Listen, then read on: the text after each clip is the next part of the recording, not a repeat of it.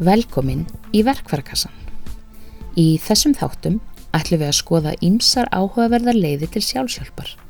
Leiðir sem oft teljast óhefbundnar eða fyrir utan normið. Leiðir sem að mörgum teljast framandi og jafnvel í sumum tilfellum forbónar eða fruðulegar.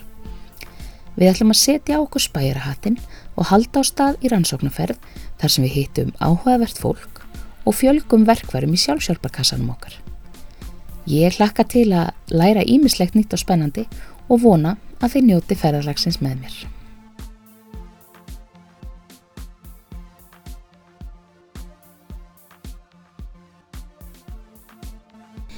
Í þessum 17. þætti verkvarakassans ræði ég við Sigurlugu Ingólstóttur, forsvarsmann kærleiksamtakana.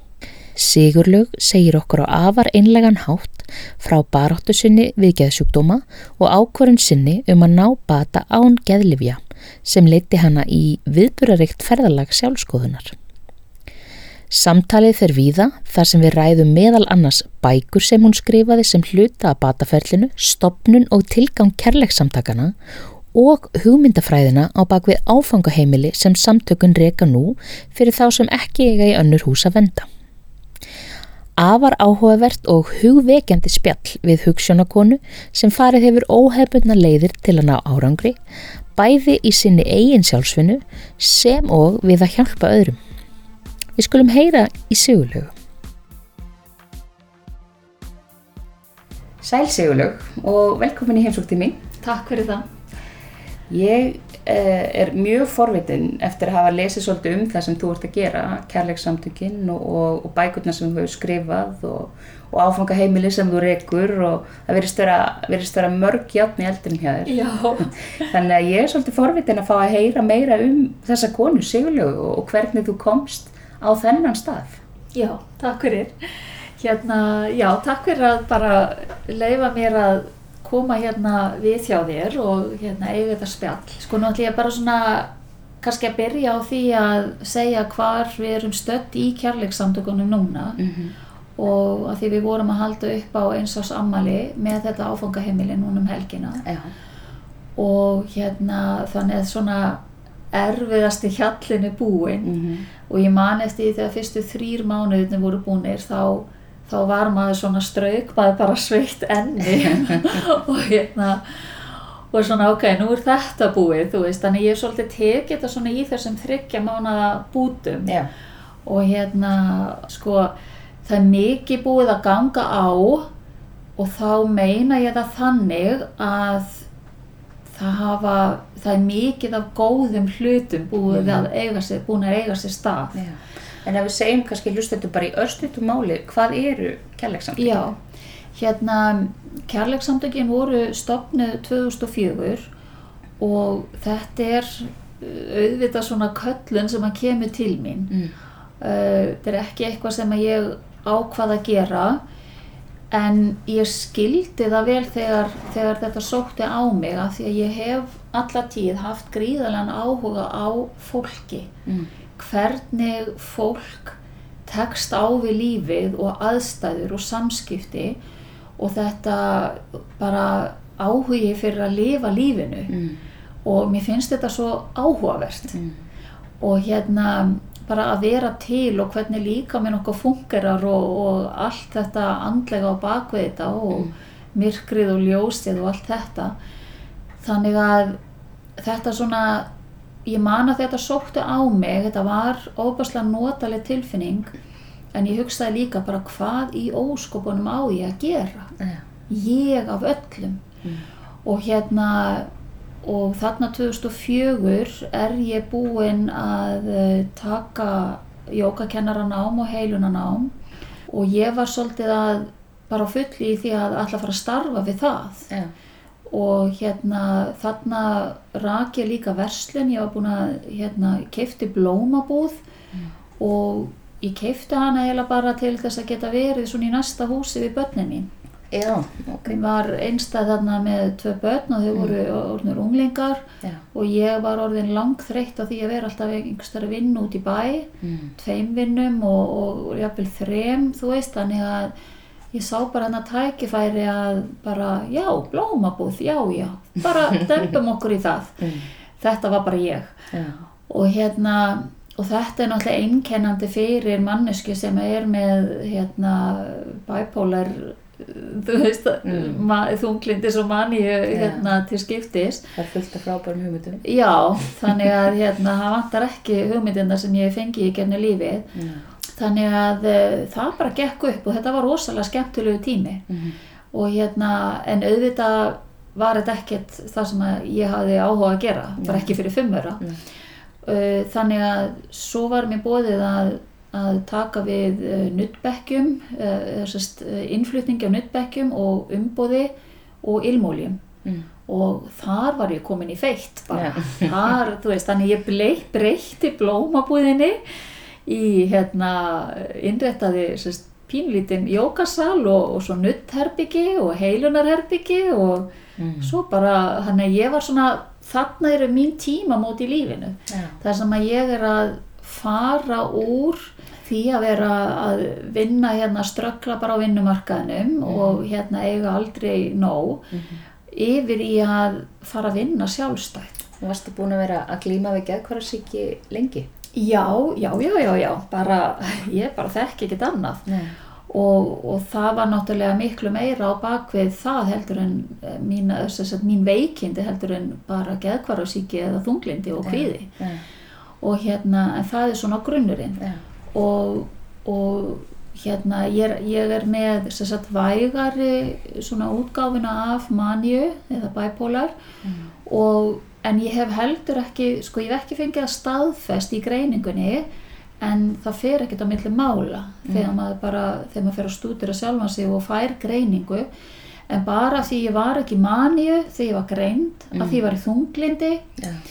þá, svona, þá kom þetta þann út eða með möguleika á, Já. á, á þú veist, en, og það dugir mér alveg að því ég, náttúrulega, ég bara veit alveg hérna, hvernig ég er búin að fungera því að þetta er ekkit eðlilegt að, að vera svona Já.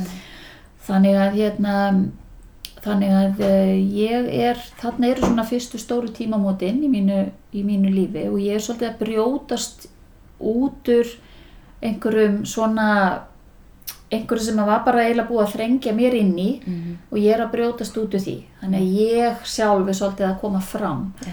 og hérna og þannig ég var náttúrulega svona nokkur ára á undan svona búin að vera aðeins að, að fikra mig áfram í sjálfsvinnu ekkert kannski sérstaklega gegnum jógakennaranámið eða svona meira ómeðvitað Já. en svo fór það náttúrulega fullt með heilinanáminu Mm. og þar tók ég bara markvisa ákverðin þú veist, nú ætla ég bara að vinna með mig Mm.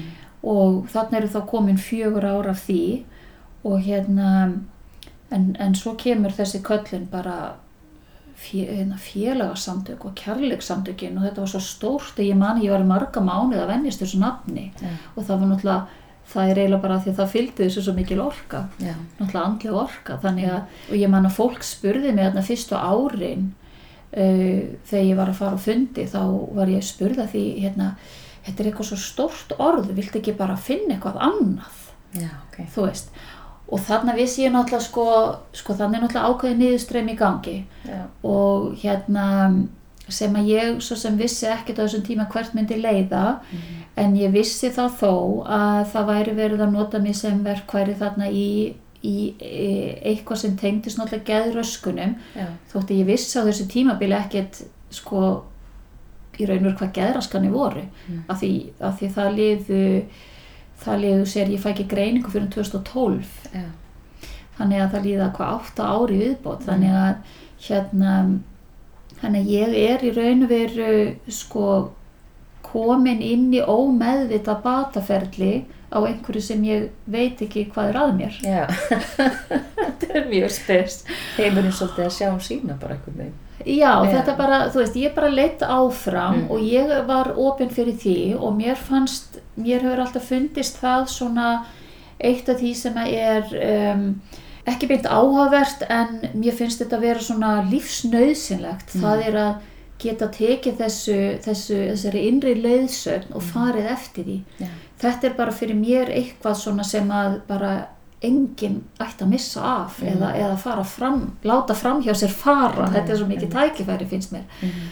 þannig að hérna, þannig ég var algjörlega opinn um, en auðvitað var ég náttúrulega veik en þá og var ekkert að taka uh, á móti niðurstreymi í, í réttri mynd, skiluru. Og með niðurstreymi áttu þá við upplýsingum eða Já, leiðbenningum. og, já, leiðbenningum og innsæðin og bara allir þessu, þannig að, að hérna, ég var bara svolítið græn á bakvið eirun eða það væri hægt að segja þannig. Og hérna, en ég leitt áfram og ég bara hérna svona ströggla svolítið með þetta og hérna var náttúrulega búin að fá heil mikið nám út úr, sagt, eða svona kennslu út úr heilnanáminu en uh, það vantaði mikið upp á Hvers konar heilin lærður ef ég má spyrja? og ég lærði hérna hjá Guðsbyggjarsamtökunum og um, heitir ekkert eitthvað sérstakt þetta er bara eitthvað Já, svona. þetta er, um, þetta er samtalstækni Já, og hérna og síðan að vinna þá bara með orkusviðið á Nuttbæk þetta svona spinnast, spannast saman með, með þessu, Já. þú veist að þú talar við einstaklingin og, og vinnur með það sem að fólk vil vinna með. Já. og hérna, og þetta var alveg tveggjára nám, þetta var, þú veist, þannig að þetta var alveg dágóðu pakki. Já. og ég byrja sem sagt þarna í þessu, þessari plómabúð þarna að breyti henni og byrja að vinna þarna. Og mjög fljótt þá var það ljóst að fólk sem kom til mín sem svona einhvern veginn hafði allt og það vissi eiginlega ekkert hvaða hvaða var að leitast eftir og, og fólk sem var með lítil vandamál að það bara, ég átti erfitt með að vinna með það Mm. og þetta var mjög ábyrrandi, mjög fljótt Mm. en síðan þegar það voru að koma fólk með mikinn og flókin vanda Mm. Að þá átti ég auðvelt með að vinna með það. Já, þar var tenging og þetta er svona það fyrsta sem ég hérna, svona, tengi í raun og veru í þessu heiluna starfi. Mm. og hérna og ég er svona næstu árin þarna að, að svona bara fikra mig áfram með samtökin og hérna og setna mér lærði ég það að þegar sko þegar það kemur svona niðurstreymi þá færðu einhverjar upplýsingar og það kemur einhver orka, einhver kraftur og þú ferð af stað. En þú ert ekkert að, það er, það er ekkert verið að segja við þú átt að gera þetta svona, svona, svona, svona, svona. Mhm. heldur það er þitt verkefni. Mm. þú veist, það, það, er, það er náttúrulega það sem þroskar þig þannig að þú þarft að gera þitt besta. Og, og auðvitað er þetta alltaf tengt því að þú þarft að vinna úr einhverju. Já, þú ert ekki fær frá upphafi heldur þú þarft að vinna úr og þetta vissi ég náttúrulega ekki neitt þarna þú veist, þannig að þetta er svona fullt af svona hluti sem að maður lærði á leiðinni. Og hérna og mest er svona eiginlega heiluna skólinn fyrir mig hefur verið í gegnum samtökin. Já. þannig að ég er svona uh, þarna næstu árin þú veist, ég er einstamóði með tvónglinga um, ég er komið með fyrirtæki og ég er komið félagsamtök og, og ég er í húsnæðis og fjárhagsvanda og náttúrulega bara þú veist, eitt leitt af öðru og, og allt í flækju. Já, og á þessum sko næstu sjö árum þá uh, þú veist, þá missi ég húsnæði mitt uh, við erum hálf húsnæðislaus Mm. við splundrumst þú veist og þá voru bara börnum í 14 og 16 ára já, um tíma. Svo fekk ég aftur íbúð, fjárhætna félagslega íbúð. Og það er ströggl með hérna í skólanum hjá öðru barninu mínu og þannig að það var óbáslega mikið í gangi mm. sem að svona tegði sko eða, eða hindraði mig í raun verið að geta bara keirt inn í þú veist, og unnið heil, sem heilari Mm. og sint þessum samtökum en ég var nú bara einhvern veginn að að því að ég var valin í þetta hlutverk að þá þurfti ég að standa mig Mm. þannig að það var eitthvað sem beið mín, ég vissi það og ég kappkostaði það bara að gera það besta úr því sem ég gat með mína takmörkuðu þekkingu og, og geðrana vanda sem ég vissi ekki af. Og svona, þú veist, e, þannig að það voru mikil átök þannig næstu árin.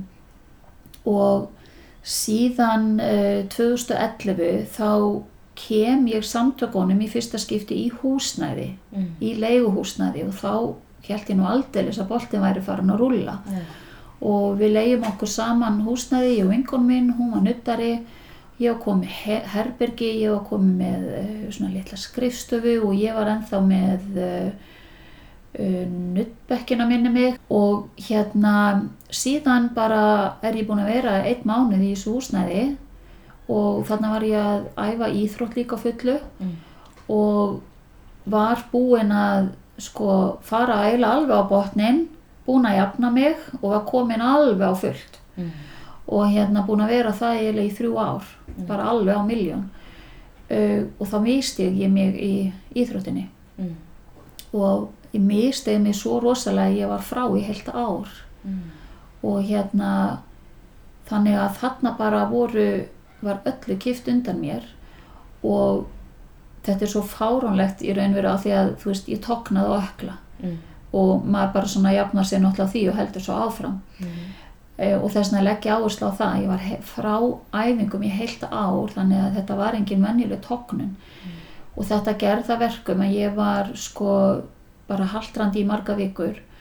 Og þarna bara einhvern veginn uh, þarna bara þú veist svona nær nú get ég bara orðað þetta þannig núna þarna nær myrkri þannig tökum á mér Mm. að þetta verður bara allt vonlaus staða Ja. ég hafði ekki tíma til þess að býða meðan ég var að jafna mig og þá myndi þetta halda áfram Mm. heldur þarna var ég búin að leggja svo mikið á mig og hérna og bara, ég var bara eiginlega bara búin að fá nóg Mm. þannig að það gerist eitthvað þetta í mér ég vissi bara það það er eitthvað skrítið að fara að gerast og þetta er ekki að fara að ganga hér í þessu húsnæði Mm. Og ég reyndi að halda áfram bara eins og ég gat og afgreða málin eins og ég gat. Og þarna var ég hérna 2011, þetta er 2010 af því að þarna er ég að ljúka við styrtar, hérna, styrtarverkefni sem ég var með. Og ég held þannig áfram að eh, ég jafnaði mig eins og ég gat ég var með 7000 bæklinga úr þessu styrtarverkefni sem ég var búin að ákveða að keira um og dreifa um landið Mm. og ég gerði það Mm. á, á einni viku Mm. uh, öklin eins og hann var Ja. og ég baði um sjálfskiptan bíl sem ég fekk lánaðan og þetta rettaðist Ja. og hérna en svo var ég bara einhvern veginn líka búin á því eftir bara öll þessi ár eftir allt sem maður búin að ganga á og sennilega styrir þetta svolítið þannig að, að maður er búin að rembast svo mikið og svo kemur eitthvað svona stórt upp á og maður er bara maður bara fær nóg, maður bara einhvern veginn þú veist, þannig að maður, maður lokast bara líka. Þú er bara lent í Og- kulnun eins og það er kallað núna. Já, allir það ekki bara Já. og, og öruglega ekkert í fyrsta skipti sko Nei, ég veit. hérna þannig að e, næstu 2-3 mánuði þá finn ég bara allt fjara út hjá mér og e, ég gekk frá sest, þessu styrtarverkefni ég gekk frá e, fólkinu sem ég var að vinna með samskiptunum þar og útskýrði bara mitt mál og hérna og svo kemur þarna desember og þá, þá og ég tók bara þessa ákvörðin að ég ætla að loka þessum samtökum Mm. þetta er bara orðið fínt Ja.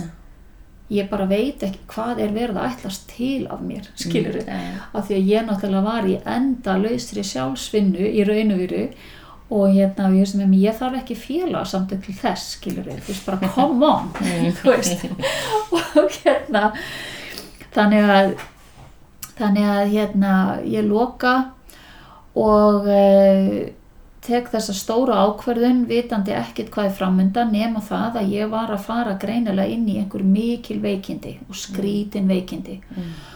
og um, þarna vissi ég að ég yrði að fá greiningu. Ég yrði að komast að því hvað var að mér. Mm. og hérna og í janúar þá fer ég að lesa um geraskanir og hérna þegar maður náttúrulega er svona óbáslega virkur þá náttúrulega bara les maður ekki um eina geðröskun heldur maður bara les allt sem að maður kemst yfir eiginlega. Ja. og ég man að ég las þetta á einum degi og það náttúrulega bara hausin á mér bara, þú veist, það var allt að mér það var bara allt að mér, ég var bara með geðklofa og, Já. og ég veit ekki hvað. Og hérna og svo bara fer ég að sofa náttúrulega bara dofin af upplýsingum svo vaknaði ég næsta dag og hérna bara, hvað, ég verði að lesa þetta eins aftur Mm. þannig ég las þetta allt aftur og, og ég var náttúrulega bara orðin bara stjörf og hérna það var ennþá allt að mér þannig að eh, og þá svona fer ég að brotna svolítið niður Mm. og tilfinningin sem kom í raun og veru það eina sem sótti á mig það var hversu óbúslega vond manneskja ég var Mm. Og ég skildi ekkert bara hvað þetta var en, en þetta var bara það sem kom upp á yfirborði og hérna og ég hérna ég ringi síðan í, í konu sem var meðferðar aðili minn þá. Hún var að vinna með hérna kynjósologi og við vorum búin að vera skiptast á tímum. Og ég ringi hana og við eigum hérna hálftíma símtal og hún bara algjörlega róa mig niður. Og ég vissi þá á þessum tímapunkti að sko ég, viss, sko, sérst, ég vissi að ég ætti í raun verið að fara upp á geðdeild og tala við einhvern Mm. en ég vissi ekki hvort ég sko hefði verið veik eða hvort ég væri veik eða hvort ég væri að verða veik Mm. þetta bara rann allt saman Mm. þannig að eh, þú veist, en, en ég náði aftur fókus bara á þessa hálftíma símtali frá henni eða með henni þarna og ég næði aftur bara að komast neyru í jörðina ég vissi að ég ætti að fara upp eftir og ég skoðaði það en það var það síðasta sem ég vildi gera. Mm. að, að þú veist, að ég, ég bara, ég vissi að ég hef engan áhuga að ég fá einhvern geðlif og fara í einhvern, einhvern farveg svoleiðis, einhvern efnislegan farveg. Þa, það, það er ekkert að fara að gerast. Nei. þannig að það var tilgangslist að fara upp eftir nema kannski að fá að tala við einhvern. En um, en ég fer náttúrulega sko ég fann samt líka ég var mjög tæp og ég tólka þetta þannig að ég hafi fengið tauga áfall Mm. og hérna þegar ég rætti það setna við geðlæknirinn að þá þá var skýringin hennar að tauga áfall er í raun verið ekki til Mm. en þetta er eitthvað hugtak sem er erfitt að skýra en það, maður fann rosalega lítið um þetta þegar ég googlaði Mm. en eitthvað tauga niðurbrot hefur átt sér stað þarna eitthvað, eitthvað gríðalegt áfall sem ég verið að gangi gegnum og hérna og ég sem sagt eh, tek þá ákverðun að uh, ég fer ekki upp eftir. Og þá var ég að hlusta á allan óttan sem að kom svo í kjölfarið þegar ég fór að ná, aft, ná mér aftur nýra jörðina. Og vitandi það að það er bara greinlega eitthvað mjög mikið að mér. Og, en þá kom allur óttin Mm. Þannig að þá var ég óbúslega hrætt við að fara upp á geðdeild og ég sá, það eina sem ég sá er ég er því náttúrulega bara hlekkjuð niður Já. og bara og dópuð niður Mm. og ég myndi aldrei bara komast eðlilega þaðan út Ætli það ekki kannski svolítið um, ég held svona af þeim sem ég hef rætti sem hafa verið í svona svipara stöð og þá held ég að þetta sé mjög algeng tilfinning, algengur ótti hjá fólki já, um að, að, að það sé orðið það mikið að að þau komist einhvern veginn aldrei út úr því aftur á þess að vera á þess að missa stjórnina sko, já, já á já, lífi já. Þetta, er, þetta var alveg bara þetta var bara krísu ástand sko. Þannig að þannig ég sit svolítið uppi með þetta að það er greinlega mikið að mér ég er mjög vond manneskja Mm. og ég er með gríðarlegan ótt að ég get ekki farið upp á geðdild þannig að ég var bara strand um, en samt náttúrulega ekki strand þannig að ég gæti ekki leitað inn á við Mm. og, og þannig að ég vissi að ég var alltaf með það ég var alltaf með andluðu tenginguna Mm. þannig að, þannig að ég hafði það var í raun og það eina sem ég hafði þarna Já. Varst einhvern tíma að glíma við uh, sjálfskaðandi hegðun eða sjálfsvíshugsanir eða eitthvað svoleiðis? já það var meira þegar ég var yngri Já. og mjög mikið þegar ég var unglingur það hekk yfir mér í þrjú ár þegar ég var unglingur frá Já. 16 til 19 ára þar til að ég reynda fyrirfara mér Mm. og það mishefnaðist og eftir það hafði ég aldrei neina þörf til að gera endurtaka það Nei. og hérna og uh, þar var ég í uh, ofböðslugu þunglindi Mm. og það sem að kemur síðan setna í ljós í rauninu þegar ég búin að fá geðraskannar að, að ég náði aldrei að skilja þetta maníu, þetta bipolar dæmi Nei. og sama hvað ég las um það þá virtist það ekki passa við mig Nei. og svo hérna, svo var ég sérst í viðtölu með sálfrængi og svo geðlækni og hann lána mér bók, sálfrængur, tvær að þrjár bækur Mm.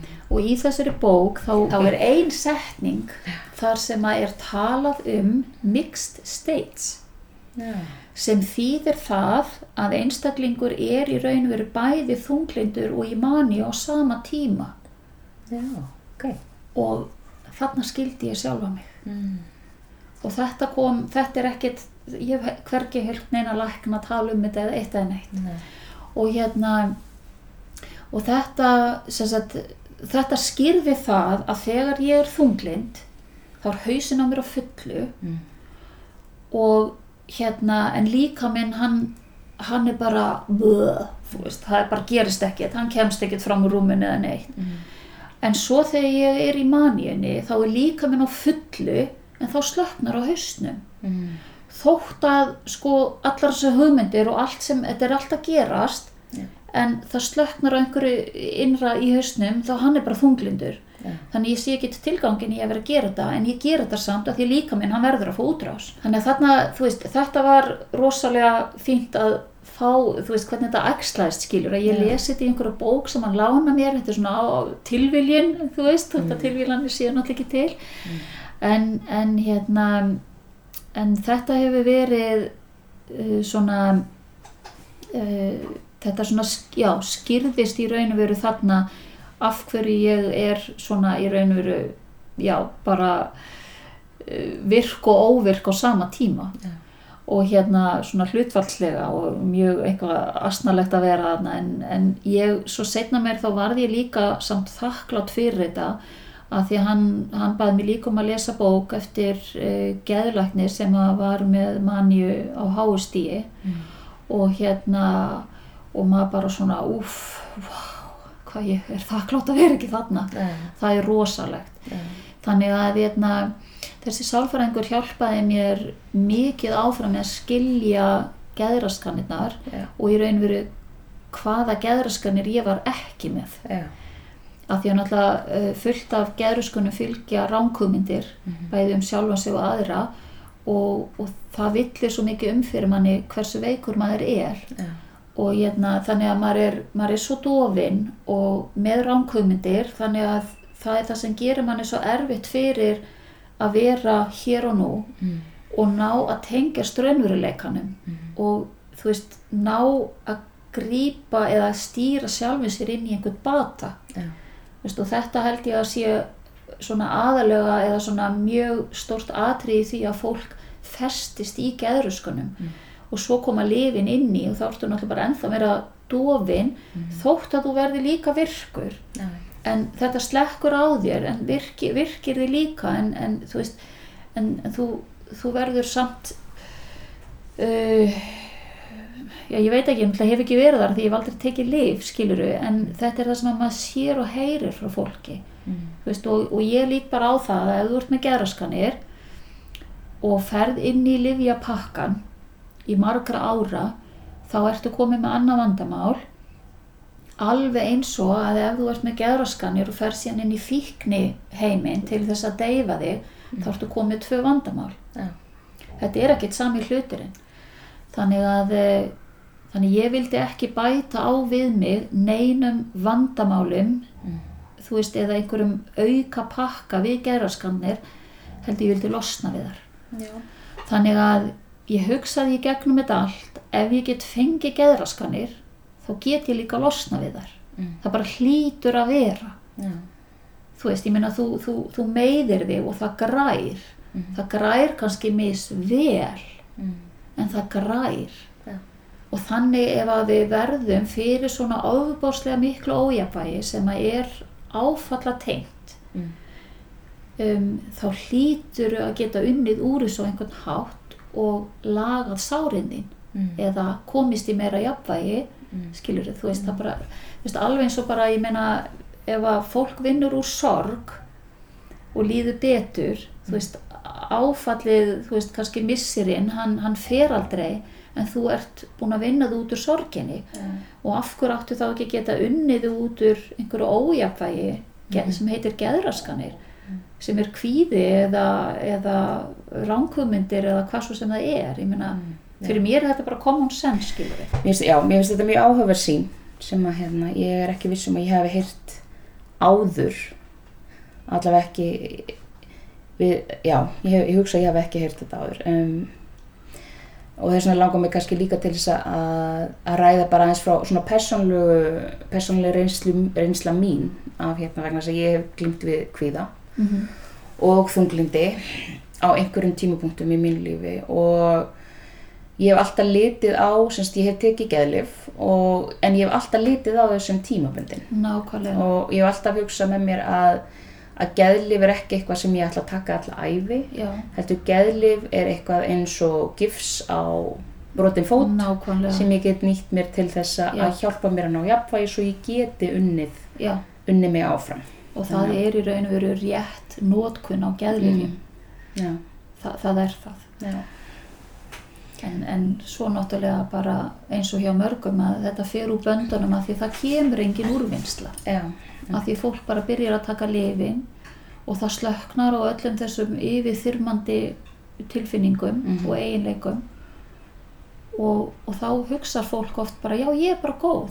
Mm, þetta hjálpaði mér og ég er bara góð. Já, þannig að meðan ég tek lifin þá er ég bara góð. Já, og þar festist fólk. Já, og sjálfur sér ekkert að því ég er ekkert að, er að rengja það neitt. Mhm. það er bara það sem fólk velur. En, en það verður engin úrvinnsla það verður engin engin reynsla eða, eða skilur við, þú veist, Engin þroski úrbætur. kannski. já, já, engin þroski og engar úrbætur úr því sem átti sér stað. Mm, því að auðvitað er ástæð fyrir öllum áföllum mhm, alveg svo bara hvað annað sem við lendum í lífinu. Já, það er ástæði fyrir því að við missum vinnuna það er ástæði fyrir því líka að við verðum fyrir sambandslítum eða, eða Mm. bara hvað svo sem það er. Þannig að þannig að eh, já, þannig að einhvern veginn hafi ég þessa óbílandi trú einhvern veginn að vera eitthvað sem sagði mér að uh, að hérna að þroski væri eitthvað sem væri mjög áhuga eða svona verðt að, að vinna að og huga að Mm. og þetta kemur líklegast út frá því að ég elst upp hjá náttúrulega með geðrannan vanda inn á heimilinu hjá Mm. mínum foreldrum eða allavega öðru foreldri. Já, um, hitt foreldri svo sem svona rétt funkarandi en það náttúrulega gengur ekki upp þegar þú ert býrð með veikum einstaklingi nei, sem vill ekki sækja sér hjálpar og vill ekki heyrum neitt og það er ekki að hjá mér. Mhm, þá náttúrulega bara verður sá heilbriði líka veikur. Þetta, þetta verður bara, sambandi verður bara sjúkt. Mm, og þannig að við ölustum upp við sískinin í, í, í raun verið í geðrænum vanda. Mm, inn á heimilinu, mjög einangrað. Mm, og auðvitað verður maður náttúrulega bara veikur sjálfur. Já, og hérna og það sem að gerist er að náttúrulega sko fóreldri með geðrana vanda alveg svo fóreldri með fíknar vanda eða einhvern vanda það er ekki fært um að hjálpa barninu sínu að þroskast eðlilega. Mm, og þar leindi verður vöndun á þroska mm, eins og ég vil tala um það. Mm, um, þannig að kannski bara að því að ég, eins og ég sagði í byrjun, að því ég með þessa ofbáslegu lífslöngun, mér finnst svo áhugavert að lifa, mm, mér finnst þetta allt svo áhugavert, að þarna verður í raun og veru kannski þessi áhugi á að þroskast, mm, en ég sit upp eftir uppbyldi með þessa gríðalegu vöndun á þroska. já,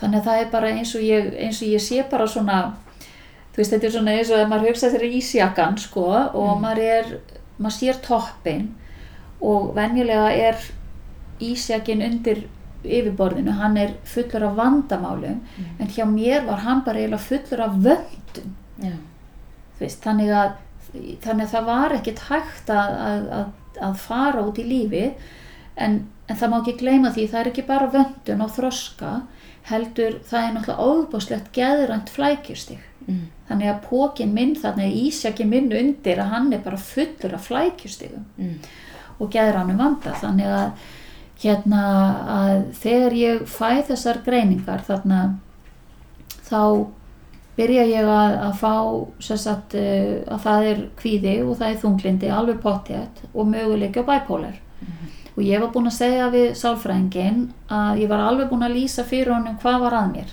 Mhm, og hann var búin að útskýrða fyrir mig ég væri ekki með geðklofa.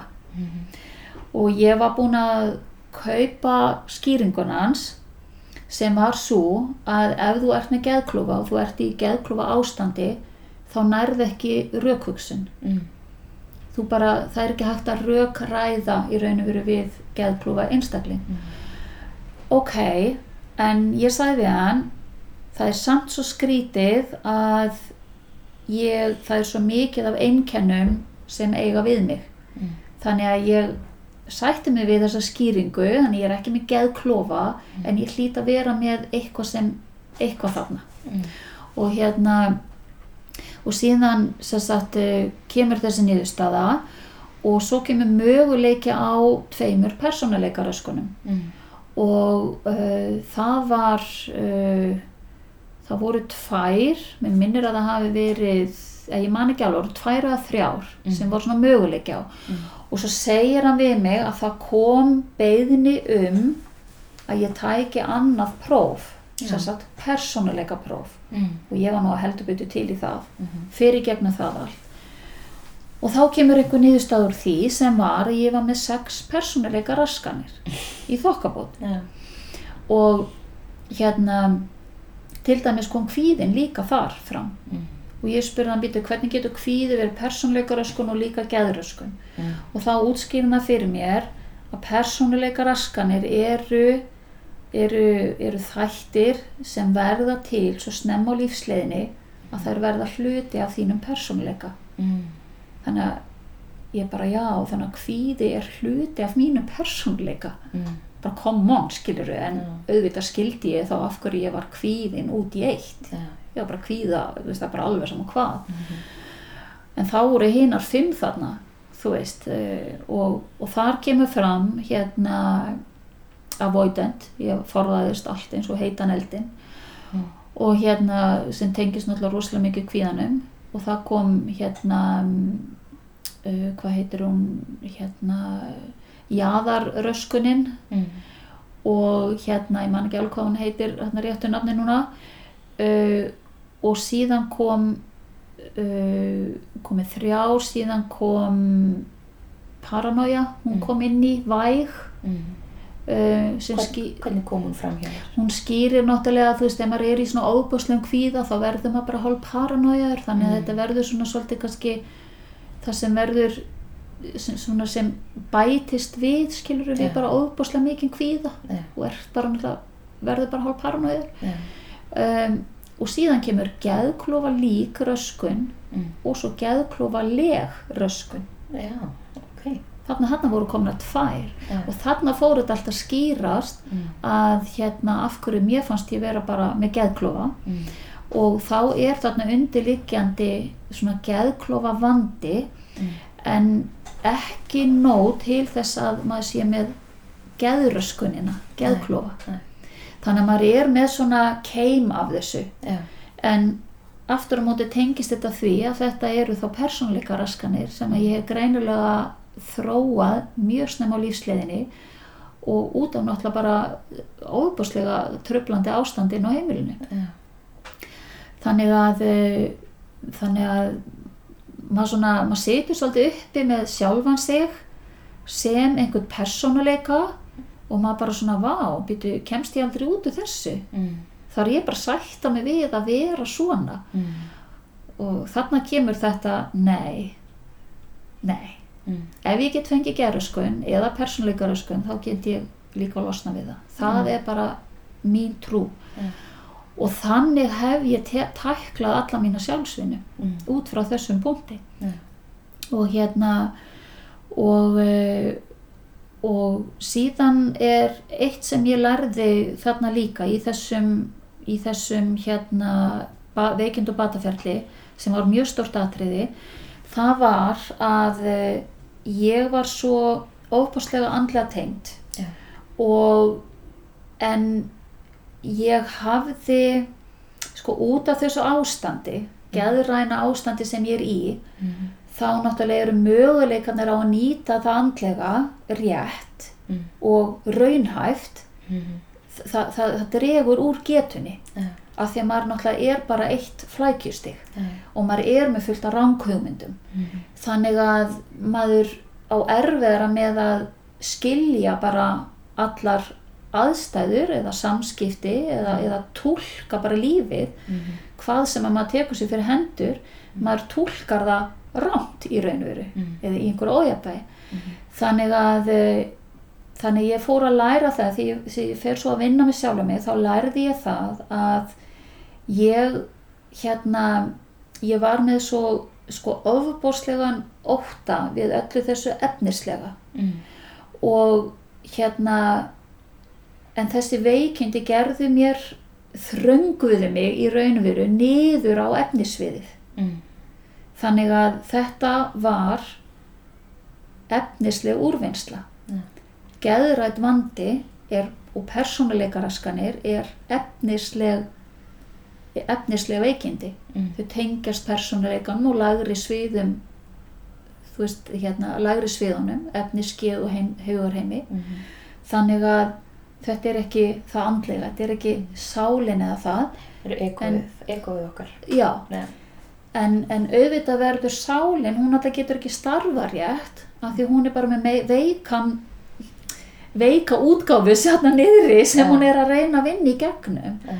Þannig að um, þegar ég fór síðan í bataferlið og þetta kom allt til mín þarna á þessum fyrstu mánuðum að um, mér var bara sínt í byrjun þegar ég er á svona stað sem ég var að lýsa á þann ég vissi að ég átti að fara upp á geðdeild en ég óttaðist það svo mikið að ég þorði ekki, ég, bara, ég gat ekki farið. Mm. þannig ég varð að finna eitthvað annað og þá náttúrulega það eina sem ég hafði það var bara að fara inn á við Mhm. og þá fæ ég þá leiðbynningu að ég þarf svolítið að lifa af næsta halva ár Mm. og það er eitthvað sem fyrir að létta á eftir hálft ár og hérna og svo sótti bara á mig skrifaðu bók, skrifaðu bók Mm. og þetta var búið að sækja á mig í svolítið mörg ár Mm. og ég var örgulega tíu sinnum búin að byrja að skrifa einhverja bók Ja. og Vissir eitthvað um hvað aftur að skrifa? nei, þannig ég var alltaf að reyna að finna eitthvað. Já. og ég er búin að henda því öllu. Veist.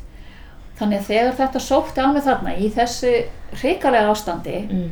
þá eiginlega bara svona hei, láttu mig í friði. Ekki núna, skilur bara come on, skilur ég er bara, ég er bara hrikalega veik. Bara láttu mig í friði. Þannig að ég ítti þessu algjörlega frá mér Mm. ég var ekkert í skapi til þess að fara að skrifa ykkur á bók Mm. þannig að ég svona bara ítir þessu frá mér og ég hérna, ég var með þú veist, uh, ég var með hérna, ég fekk óbúslega mikla verki í eirun og ég var með svona hérna þannig í, nokkra mánu þá var ég með svona yfirþyrmandi uh, við þurfum mann ég ekki orðið hérna það kemur örgla eftir Mm. þetta var svona bara hrikalegt ástand þannig ég þóldi engan háaða Mm. og hérna ég var svo bara, hann er með leið svo illa þannig ég var ekki neinu skapi til þess að vera að skrifa eitthvað og fara að innbytta mér eitthvað og ég ítti þessu frá mér og þessi þrýstingur í höfðinu varð alltaf meiri Mm. og hérna og bara þetta var bara eins og hausin á mig væri að springa og ég þóldi bara, þú veist, ég þóldi ekkert Mm. Þannig að hérna sturlun Mm. þetta var sturlunar upplifanir Mm. það var það sem að var að gerast í hausnum á mér Mm. og hérna og ég er þannig í nokkra mánuði og hérna óbáslega ránkugmyndir, mér fannst allir vera að bara ráðast á mig og, og það var bara allt bara á fullu Mm. og svo er það ekki fyrir en í byrjun júni sem að ég læt undan og byrja að skrifa Mm. af því þetta sótti alltaf meir og meir á mig Mm. og ég bara ok, þú veist ég skal hlýða þessu en þá hugstaði með mér ok, verður nú eitthvað skynsum í þessu öllu sigurlaug af því að þetta er búið að sækja svo oft á þig þannig að hlýtur vera einhver meining á bakvið þetta Mm. þannig að legðu það allavega á þig að skrifa þetta í einhverju bókarformi Mm. ekki, þetta er ekkert einhver dagbók eða eitthvað, þetta, það er eitthvað á bakvið þetta þannig að setja þetta eitthvað svona skinsamlega upp. Og ég gerði það. Og svo, svo var þetta samt svo einfalt. Mm. og um leið og ég byrja að skrifa þá bara flætti og flætti og flætti Mm. og það fór að létta á þessum styrlunar Ja. upplifunum. Það, það, það er svona það fyrsta sem að fór að létta á. Og þær hurfu svo bara og hérna en skynseimin fólst í því að byrja þá að skrifa svona einhver, einhverja sögu hingað Mm. þar sem ég var stödd þarna Já. og síðan að held ég áfram að skrifa um hvað ég er að takast á við Já. veikinda og bataferlið Já. og ég skrifaði bara allt sem ég gerði Mm. og alla tíma sem ég fór í Mm. og síðan um, annað, jú, það var annað sem sótti á mig þarna í byrjun og það var leiðbynningar um það uh, þarna í svona januar á þessu ári að ég ætti að fara í dálislu hjá henni Vigdísi Steinþórs Mhm. og um, ég ætti að fara í dáleyslu markvist til að takast á við geraskanirnar, vinna með þær Já. Og ég vissi ekkert alveg hvað þetta þýtti en hafði farið til hennar nokkur sinnum þannig ég vissi náttúrulega að það þýtti það að fara inn í fyrri líf Mhm. en ég vissi ekkert svo hvernig úrvinnslan yrði Nei. á mínar geðraskanir skilur Mhm. þannig að hérna og mér var bara leiðbundum það ég ætti að fara til hennar í apríl ég ætti Mm. ekki að fara fyrr og ekki setna þannig ég pantaði tíma hjá henni í apríl með þryggja mánuða fyrirvara Hvaða ár eru við að tala um núna? 2012 Já. er þetta allt að gerast Já. og síðan uh, fer ég í viðtalinn á landsbítalanum í fælóksa skælagnir í mæ Mm. en ég fæ enga greiningu Mm. en hún sagði við mig að uh, ég get sótt um nei, hún, hún, hún, nei þetta var alveg, þetta var eiginlega bara djók að því ég var búin að fara í, hjá sálfræðingi í svona fórgreiningu Já. þannig að það var sótt um á landsbítalanum Mhm. til þess að fá greiningu sem að greinilega þörf á Já. svo kem ég þarna inn og það er farið í sama spurningalistan og ég bara ert að djóka í mér Mm. og hjá einhverjum nema og svo fæ ég viðtal og eftir í geðlæknirinn og hún segir við mig að þú ert nú greinilega þunglind og með kvíða en hvað viltu gera? Mm. Og með allt þetta ennþá með einhverja styrlunar hugsanir og allt í botni Já. búin að býða eftir greiningu þarna á bara öndinni í, Já. í, síðan í þú veist, janúar Mm. ég var bara, þú veist, ég bara ég var bara orðlaus Já. og ég bara, ég man að ég bara svona horfi niður í þessu bara, er, ert að djóka í mér Mm. er þetta það sem ég er að fá hérna Mm. Og svo ég bankað á hurðina og hún stendur upp og lappa fram hjá mér og, og opnar og talar við einhvern og ég ég bara, það, það bara, ég hugsa bara, ég, ég, ég má ekki fara tómhent hérna út Mm. það, það er bara út um mig, skilur ég er búin að, búin að hafa fyrir, ég er komin hérna upp á geðdeild, Já. þú veist já, Já. en ég þarf að fá eitthvað út úr þessu Já. og þá myndi ég á þessum einhverjum tíu sekundum, þá myndi ég eftir því að þegar ég leitaði í á geðdeildina 2007 Já. í, bara, bara þá var ég bara búin á því Mhm. en greinlega náttúrulega mjög þunglind en þá var sagt við mig að ég væri ekki nógu veik til að komast inn á hvítabandið Nei. þannig að ég hugsaði með mér ég hlýt að vera nógu veik núna Mm. bara koma á, skiluru Mm. og ég spyr svo læknirinn þegar hún kemur tilbaka og ég segi hvað með hvítabandið Mm. og þá segir hún já já, vilt að ég sækja um þar fyrir þig Mhm. og þá vissi ég ok, ég er þá nógu veik til að komast þangað inn, þannig að við erum þetta er einhver smá pluss, en hún getur ekki sagt það við mig En hvítabandi er svona gungu geðdelt í rauninu. já, Já. þar sem þú kemur bara í meðferðir Já. í hópa Já. og hérna þar tók, þarna tók við byð alveg fram í oktober Mhm. þannig að það var uh, óbáslega erfitt að býða á þessu, í þessu ástandi Mhm. En skrifin byrjuðu svo þarna bara stuttu eftir að nýjúni Mhm. og það hjálpaði mér algjörlega í gegnum þetta og svo er komið sko fram í lok júli uh, eða sem sagt þegar eftir þetta viðtal þá hef ég aftur samband til sálfræðingin sem ég fór fyrst til sem var hjá geðhjálp Mhm.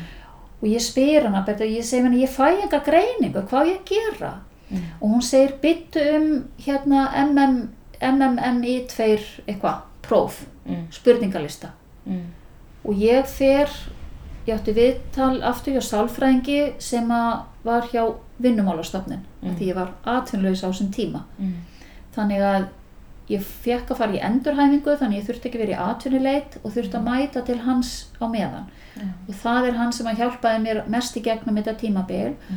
og, og fekk mig til þess að skilja ég væri ekki geðklofi Mhm. og hann lánaði mér bækunar og hérna og svo og ég fer á þess að fyrst tíma hjá honum og svo hjá geðlækninum upp á landsbytala í næstu viku. Og ég segi við sálfræðingin hérna að ég hefði haft samband aftur við hins sálfræðingin og geðhjálp og hún sagði mér að byggja um þetta MMI2 próf. Já. og hann segir ég get alveg gert það með þér. Mm. og ég bara þú ert að djóka í mér. Hvað er ég?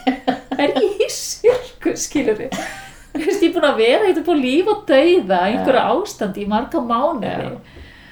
Ok, og ég sem bara já, fínt, skiptir mig engum máli hver gerir þetta, ég bara þarf þetta. Mm. þannig að hann fór með mér í gegnum prófið. Þannig að hann fekk niðurstöðnar og eftir að var ég mjög fegin af því að hann var miklu liðlegri að mæta mér þar sem ég var eftir um okkur tíma geðlæknirinn. Já. hún vildi bara skrifa lífseðilinn Já. sem ég vildi ekki taka á móti. Mm. og hérna og við og þá kemur þetta sem ég var komin inn á áðan það kemur viðbótar, beðni um viðbótar greining og persónleikaröskunum Mm. þannig að það er komið þarna fram í ágúst þegar ég er loksins að fá greiningu Mm. þá er ég byrjuð í dálislu hjá Vigdísi Mhm. og hérna og ég er að býða eftir hvítabandinu Já. og ég fór í þú veist, svo, svo gerast þetta allt þannig á næstu tveim árum þá er ég bara fullu í bataferli Mhm. fekk alveg óbáslega góða meðferð á hvítabandinu Mhm. í svo kallari DAM meðferð sem er dialektísk meðferð Mm. og hérna svona dýpri meðferð en, en hamið Mm. og hérna óbáslega áhrifamikil og ég nýtti mér hana alveg í botn og svo fór ég í alla dálislu tímana hjá Vigdísi og hérna og það er komið sko uh, sagt, það líður þarna allt 2012-2013 og þá sótti ég um á Janus hérna svona endurhæfingu Mm. og það getur verið þar allt í 1-2-3 ár Mm. og þar ætlaði ég að svona fara aftur út í lífið Já. og ég fer þar í gegnum allan viðtalapakkan og, og yfir þjálfi sálfræðingi geðlæknir og það kemur niðurstaða þar akkurat í byrjun janúar 2014 Mm. þegar ég er að útskrifast á hvítabandinu og fá leiðbenningar frá þeim um hversi staða núna Mm. og hvað þær telja ég þurfi meira á að halda Já. og það var svo fallegt að fá þetta á sama tíma af því að það voru báðir staðinir sammála um hvar ég var stödd Mm.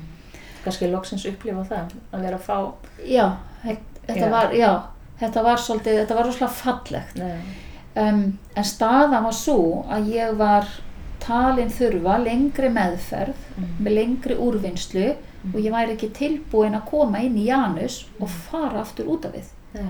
þannig ég þurfti að fara lengra inn á við Mm. og hérna og þar sögðum hjá, hjá hérna kvítabandinu að ég þyrti sérhæfa meðferð ég mætti ekki fara til hvaða sálfræðin se- sem var Mm. það mætti ekki fara að greina mig með einhverja eða ákveði ég væri með einhverja félagsfælni ég heldur þetta er miklu miklu dýbra Mm. þannig að hérna ég fann þennan meðferða aðila sem að var einhverju, einhverju þrýr mentaðir á þessu sviði sem að voru með þessa meðferð og ég held ég að við beðið í eitt og hálft ár eftir að komast í viðtal Mm. og en svo kona var ósámála eftir viðtalið Mm. og vildi ekki taka í meðferð Ok. þannig ég eiginlega bara satt uppi með að fá enga áframhaldandi meðferð Mm. efnislega séð Mm. um, og en ég held áfram í dálislunum og uh, bara minni innri vinnu og allt, þetta- alla þessa þekkingu sem ég hafði og sem að var búin að bætast við og aðal að, aðal svona uh, aðal svona hérna bataferlið eða bataþátturinn hefur hafa verið skrifin Mm. og þannig verða allar þessa bækur til Já. og hérna og ég er ennþá að skrifa í dag Mm.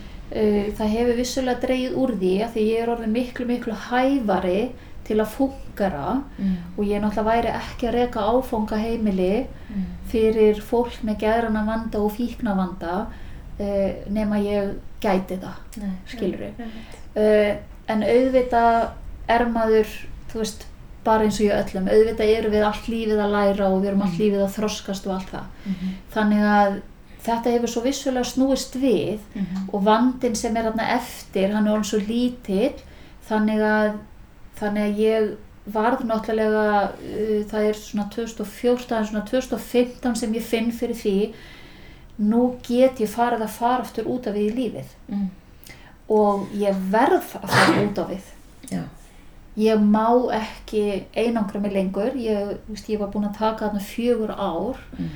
og hérna þannig að ég vissi það að ef ég ætla að halda áfram að í bata Mm. þá yrði ég að fara út af við Já. og þannig hérna og ég hugsaði með mér sko bara ekki aftur kærleikssamtökin og ekki aftur vinna með fólki ég er búin að fá nóg af sjálfsvinni ég er að vera Mm. mm. keðvik á sig þetta er svo mikið Mm. og hérna og hérna eins og til að mynda sko, þú veist, ég fór í 19, 18 en 19 áluslir að viðtísi á þarna tveimur árum Ja. og við vorum flestar svona kannski já, vel rúmlega helmingur en á þessum tímum þá vorum við í 2-3 tíma á bekknum skiluru þannig að við erum að tala um kannski að með, þú veist, 40-50 dálislur á tveimur ár Það sem þú ert að fara inn í fyrir líf og Já. reynsa upp í rauninni Já. karma sem er að hafa áhrif á þig í lífinu í dag. Og í raun við erum náttúrulega bara að tækla þessar geðraskanir af Mm. því að auðvitað kom þetta allt í ljós. Auðvitað kom í ljós af hverju ég var svona hrætt að fara ná geðdelt Mm. Þú veist, og, og ótti við veist, ég vil ekki líf og allt þetta Mm. fullt af svona þú veist, þannig að þessar leiðbendingar eða, eða hindranir hvort sem það voru kvíðartengdar óttatengdar eða bara leiðbendingar Mm. þetta skýrðist allt Já. af hverju ég átti ekki að gera þetta heldur þetta Mm. eða af hverju ég þorði ekki að gera þetta Mm. og, og varð að finna einhver aðra leið Já. þannig að hérna þannig að eh, við náttúrulega erum að tala um alveg gríðarlegan pakka pluss þú veist, uh, hátt í árs meðferð á, á hérna kvítapattinu ofan í þetta Já. pluss grefin Já. þú veist, þannig að hérna þannig að þetta var alveg ég var eiginlega svona bara komið upp í kók af einhverju sem ég heit meðferð eða bataferli Já. og bara hugsaði með mér ég bara get ekki fengið afgræslu vinnu eða skrifstofu vinnu eða eitthvað bara ég, ég bara meik ekki meira á þessu Mm. Og, og áhugin á öllu þessu var svona farin að dvína. Þú veist, þetta var bara orðið fínt. Já. og hérna og ég fer að leita og leita og leita og ég fer að reyna að búa eitthvað til sem ég gæti unni við og sem ég reyna að kveiki einhvern áhuga. Og, og hérna og það bara nei, það poppuð alltaf upp. Kærleiksamtökin Mm. vinna með fólki og ég bara svona ah. Ok, þannig að ég bara var ekkert annað að gera en að fylgja einsæna því það kom ekkert annað til greina Mm. og þannig í desember 2015 þá samvisku samlega opnaði ég aftur þessi samtök Já.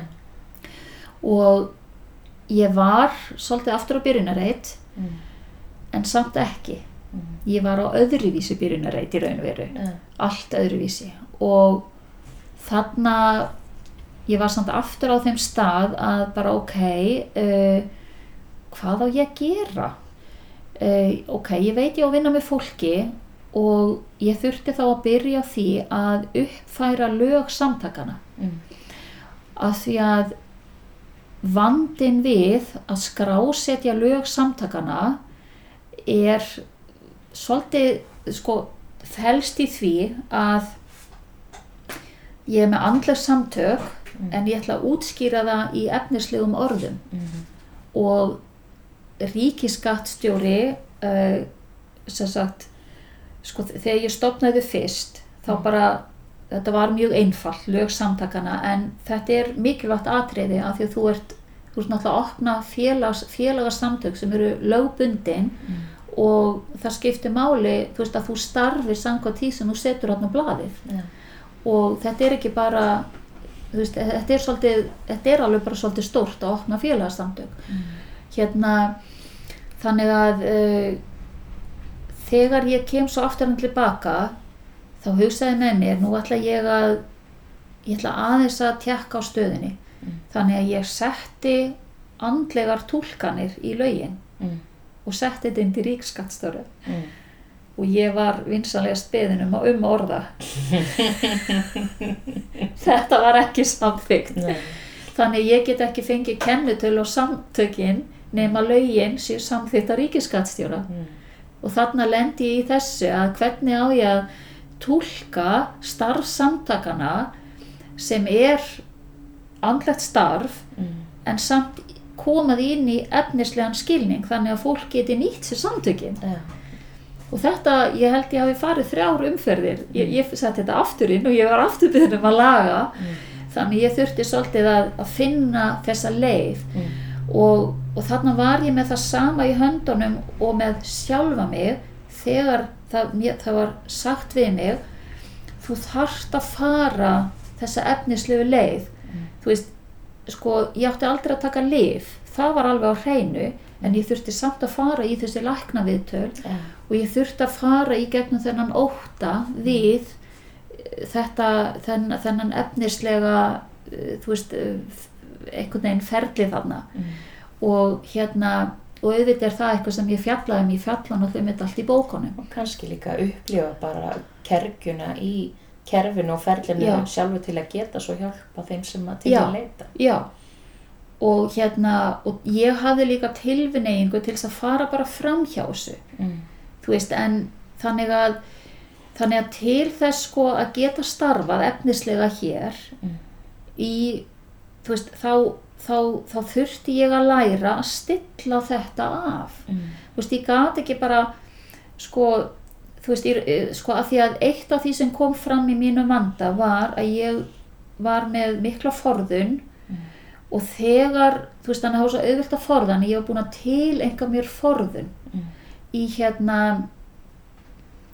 uh, og það kom út sem persónuleikaröskun mm, að, að forðast. Mm, þannig að ég var með mikinn vanda í að forðast og þetta þýtti það að því ég var með svo mikinn kvíða að allar aðstöður sem ég fór inn í þá þurfti ég alltaf að þvinga mig í gegnum þær. Mm, þannig að bara það að eiga eðlileg samskipti við fólk og á svona alltaf sínu tíma því ég krakki bara funkar í skóla, bara mæta í skólan ég var alltaf að lifa þetta af. Mm, þannig ég var alltaf að þvinga mig í gegnum lífið. Mm, þannig að þetta var svona þunga miðjan í svona vogarskálinni. Það var þessi forðun og þvingun. Mm, þannig ég þurfti einhvern veginn að, að, að hérna vinna með þessa forðun og þóra mm, allir þessi ótti og kvíði að þóra að ná því að geta farið út í efnislífið án þess að þvinga mig. Mm, og þetta, þú veist, ég bara "Vá,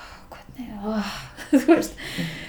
En þetta fór að gerast sjálfkrafa með allir úrvinnslunni. Ja, og þegar ég er komin aðna 2015 þá finn ég að ég er tilbúin að fara út í lífið án þess að þvinga mig út í lífið. Mm, og hérna þannig ég var orðin heilbriðari í raunveru mm, og hérna og svona fer ég að taka svona fyrstu skrefin í, í hérna það var tvent sem ég gerði að uh, ég, ég skráði mig inn í félagskap þannig í september 2015 mm, sem að var með heilsuvörur mm, og hérna ég, ég viss að ég þyrfti einhverja svona góða efnislega uppbyggingu mm, og ég hérna fann þarna vörur sem að voru bara alveg æðislega og ég er ennþá að taka þær í dag mm, og þær var alveg gjörsamlega sko bjarga mér eiginlega í gegnum þetta. Mm, og hérna en þar var félagskapur mm, þannig að ég fer út af við í hann Mm. og stopna svo samtökin í desember. Ja, og þannig ég svona uh, fer, ok, ég, ég fer inn í þetta uh, þarna var ágætur vandi leiðindar vandi í þessum hóp, í þessum félagskap mm, og hérna og þetta með því ég bara dró mig í hlið eins og margir aðrir. Mm, og hérna allt er læg með það. En uh, ég lendi í raun og veru aftur í því ég er, ég er aftur komin í svona leiðindar samskipti, ég er alltaf að díla við þetta. Og ég er svona bara, nei, bara come on, skilu, þetta er ekki það sem ég vil vera að gera. Mm, en þarna kemur náttúrulega í ljós að ég er í raun og veru ennþá byllandi meðvirk mm, og ég var í raun verið ekkert að fatta það beint.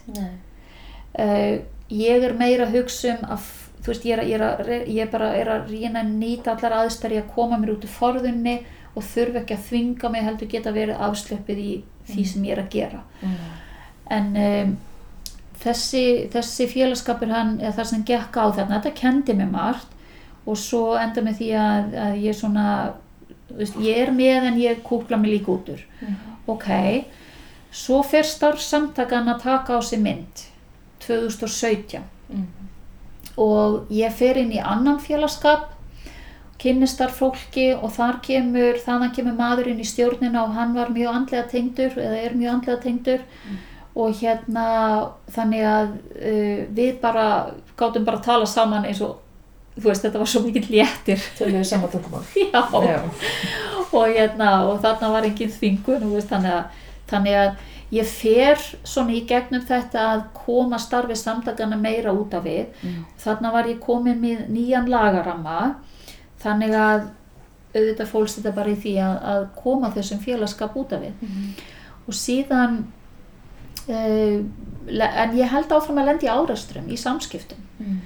og hérna síðan uh, í lokársins 2017 þá förum við, þá sækir á mig ég á farinir í Laugadal og ég á að tala þar við mann sem kalla sig Kjari Tjaldbúi Já. og ég á að fara eitthvað þarna inn í þennan heimilisleysis pakka þarna, Já. málefni heimilislausra Mm. og það skildi ég svo sem ég var ekkert hissa á því að því að ég hafði náttúrulega sjálf ströggla svo mikið Mm. búin að missa íbúð og búin að vera á leigumarkaðanum og, og, og svona eiginlega hálf húsnæðislaus þarna á köflum Mm. þannig að ég var ekkert hissa á því og ég bara fylgdi þessu um, þarna kemur nýr félagskapur og við förum bara í samtökunum að við vinna að málefni heimilislausra og þarna myndast svona svolítið hópur Já. sem að fyrir að þykja þjónustuna Já. um, Og í hverju fólks þjónustan? það er að sem sagt, það sem, sem kærleikssamtökin standa fyrir það er að hjálpa fólki sem hefur lent í áföllum Mm. og sem er fast sem festist Já. á botninum og það getur verið að þú festist í neysluvanda Mm. eða livjavanda Mm.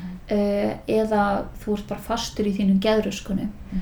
og vandin þín leysist ekki þannig að þú kemst ekki eftir út í lífið Mm. og þetta er náttúrulega nákvæmlega það sem ég var först þannig að þannig að hérna það er það sem stand, samtökin standa fyrir um, ég er ekki með eða samtökin eru ekki með neina sko, þau eru ekki meðferðar úrræði Mm. þannig að fólk með fíknivanda þarf að fara í sína fe- meðferð Mm. og fólk með geðrana vanda þá þarf að náttúrulega fá sína uh, sagt, greiningu og allan þann pakka Já.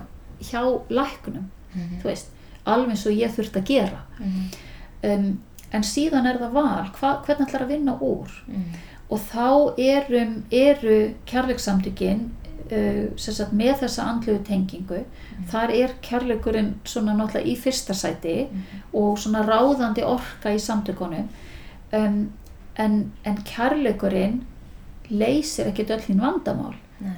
heldur þú þarft að vinna í þínum vandamálum en orkan í samtökunum hjálpar fólki í raun og veru að opna fyrir þessa tengingu, þessa efnislu og andlegu tengingu. Þannig að e, þú ert bara að opna þú getur þarna opnað í gegnum þú veist, vittir um, en það er engin skilirði fyrir því. Mm. skilur við erum ekki með einhver skilirði um að fólk þurfa að vera andlega trúað eða þurfi að fara í einhverja andlegar eða óhefbundna meðferðir eða eitthvað, þú veist, það, þetta snýst ekkit um það heldur þetta snýst í raun veru meira um það að þú ert að mæta sjálfin þér þar sem þú ert stattur og þú ert að opna fyrir tækifærin, Mm. möguleikana Mm. ekki bara gera það sem þér er sagt að gera heldur leita að lausna á því sem hendar þér Mhm. taka málin í þínar hendur Já. og vera sjálfstæður bera ábyrð Mm. uh, vera meðvitaður Mm. þú veist og, og hérna ef þú hugsa svolítið tilbaka hvernig Jésús starfaði Mm. þá, þá var þetta, þetta svolítið svipað Mm. en það er herran Jésú náttúrulega mest ráðandi í gegnum orkuna í gegnum kærleikssamtöki Mm. Mesta tengingin mín er það og hérna og ég hef svona eh, það hefur verið rosalega fallegt að, að sjá og upplifa að maður sé í raun og vera að feta í hans spór og það er í raun og veru uh, tilgangur með kærleikssamtökunum það er að, að, að, að opna fyrir þessa leið að fólk geti fetað í hans fótspor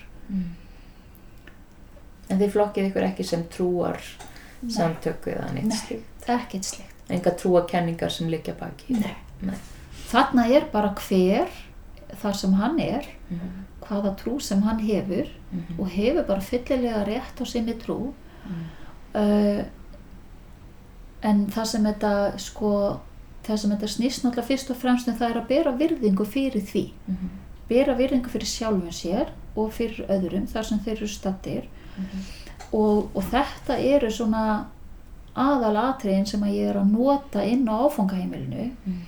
að því að e, alkoholistar eru alveg sérfræðingar í því og þessi veikindi felast í því að gera ásaka einhvern annan en þín, þinn vanda og, og ljúa og svíkja og allt, allt þetta. Það er ótrúlegt að fara í gegnum þetta.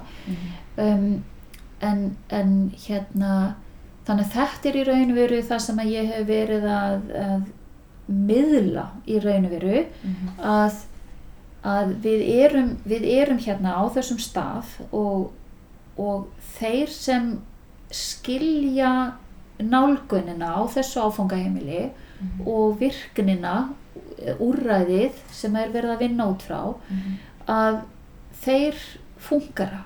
Og, og þú veist og, og þeir verða meðvitaðri um sjálfan sig og sinn vanda og geta þá farið að hugsa í meiri markmiða mark, svona markmiðum og lausnum. Mhm. og það er það sem að er þú veist, þú veist þetta, þetta er ekkert meðferð eða neitt. Nei. þetta er, þetta er svona common sense þetta er, þetta er mannlegi þátturinn þetta er mannlega eðlið í okkur að verða betri gera betur, ná meira árangri Mhm. þroskast þetta er bara veist, þetta er þróunin Mhm.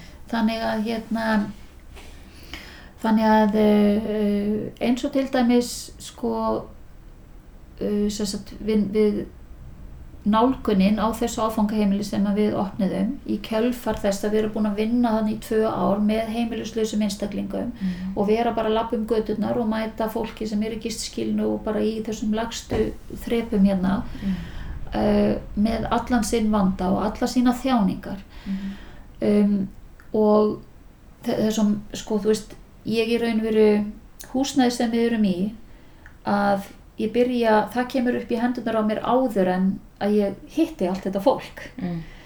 uh, fyrr á árunni 2017 þá er ég búin að skoða húsið, ég er búin að stúdera það ég er búin að setja, ég er búin að plana allt inn í húsinu og var í raun og veru búin að setja úrræðið upp uh, í húsinu.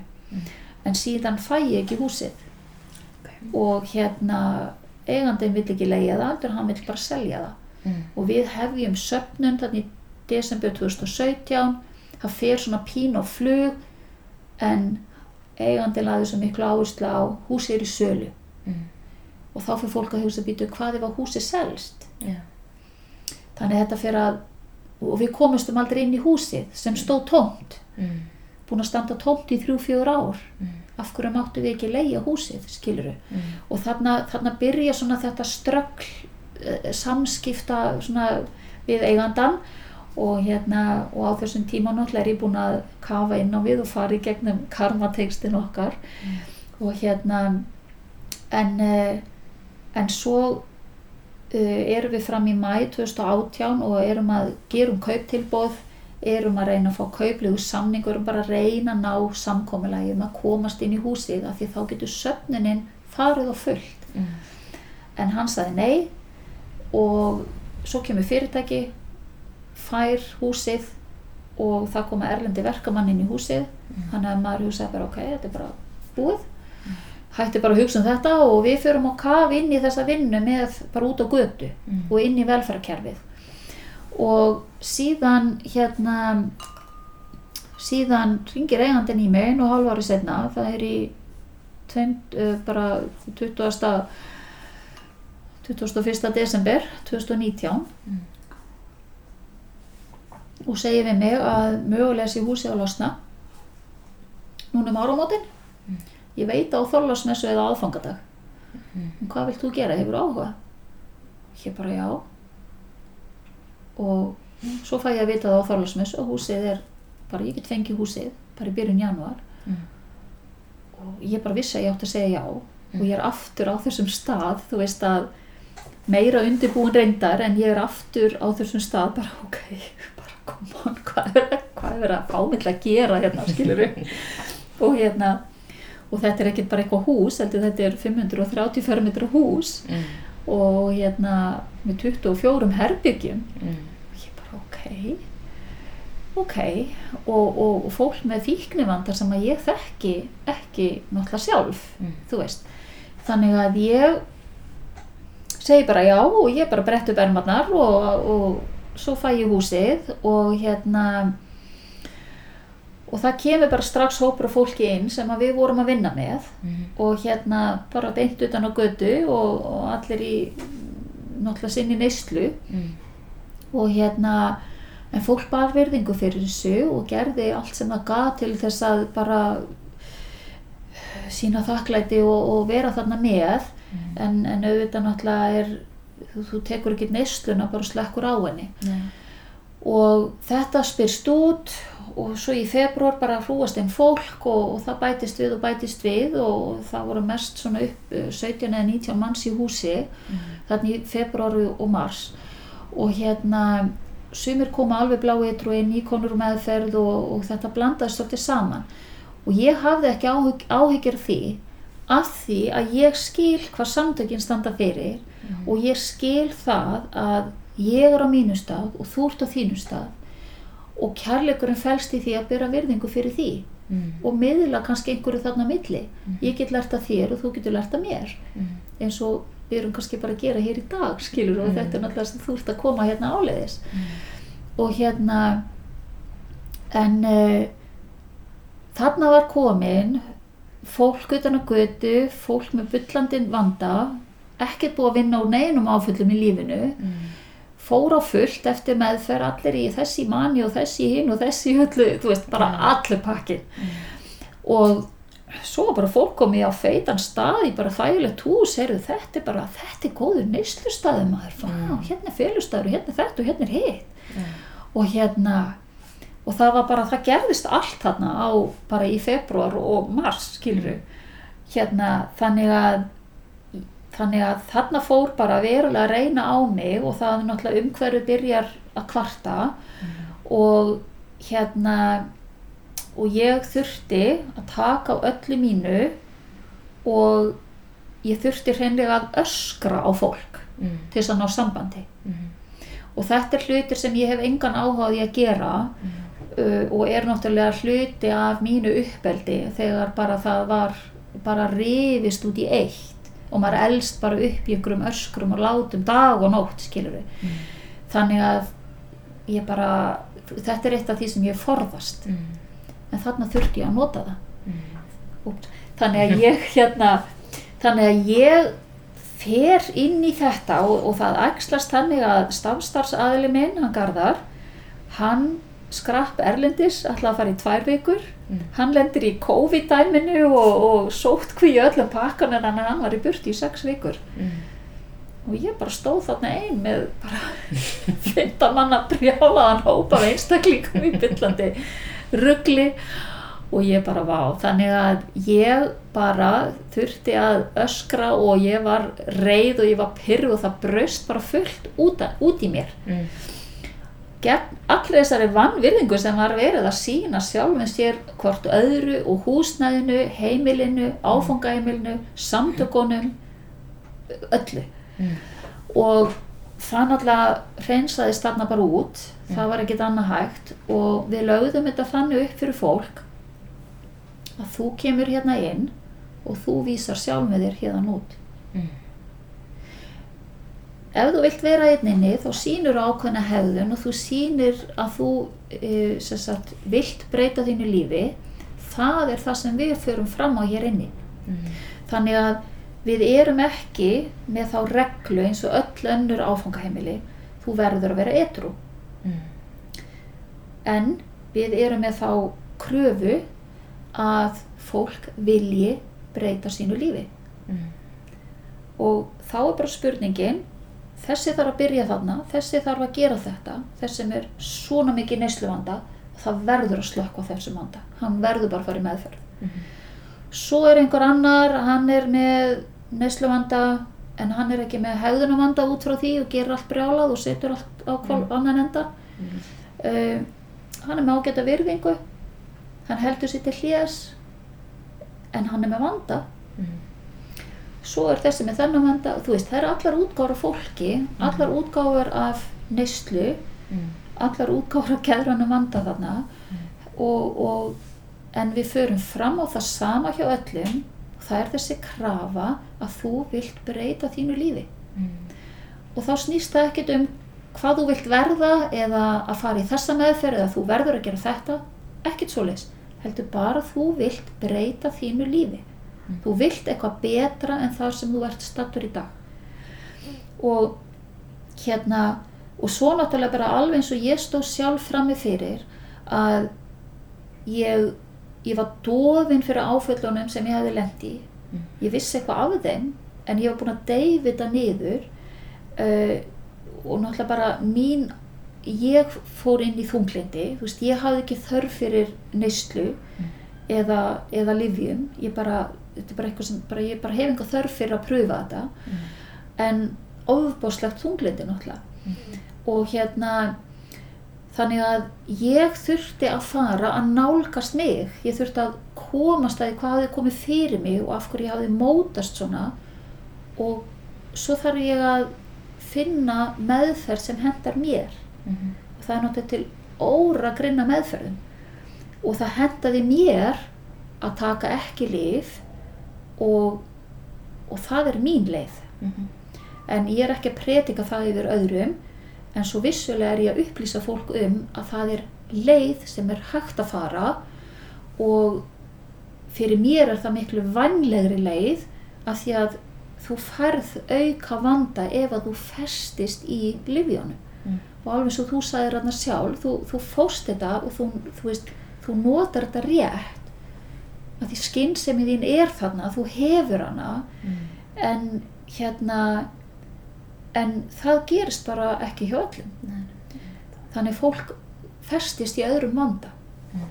og hérna og síðan bara náttúrulega eins og maður veit með mörg eðlifa að þú veist það er uh, fólk þingist og, og er komið með þann vanda líka heilsufarsvanda er raunveru líka. Mm.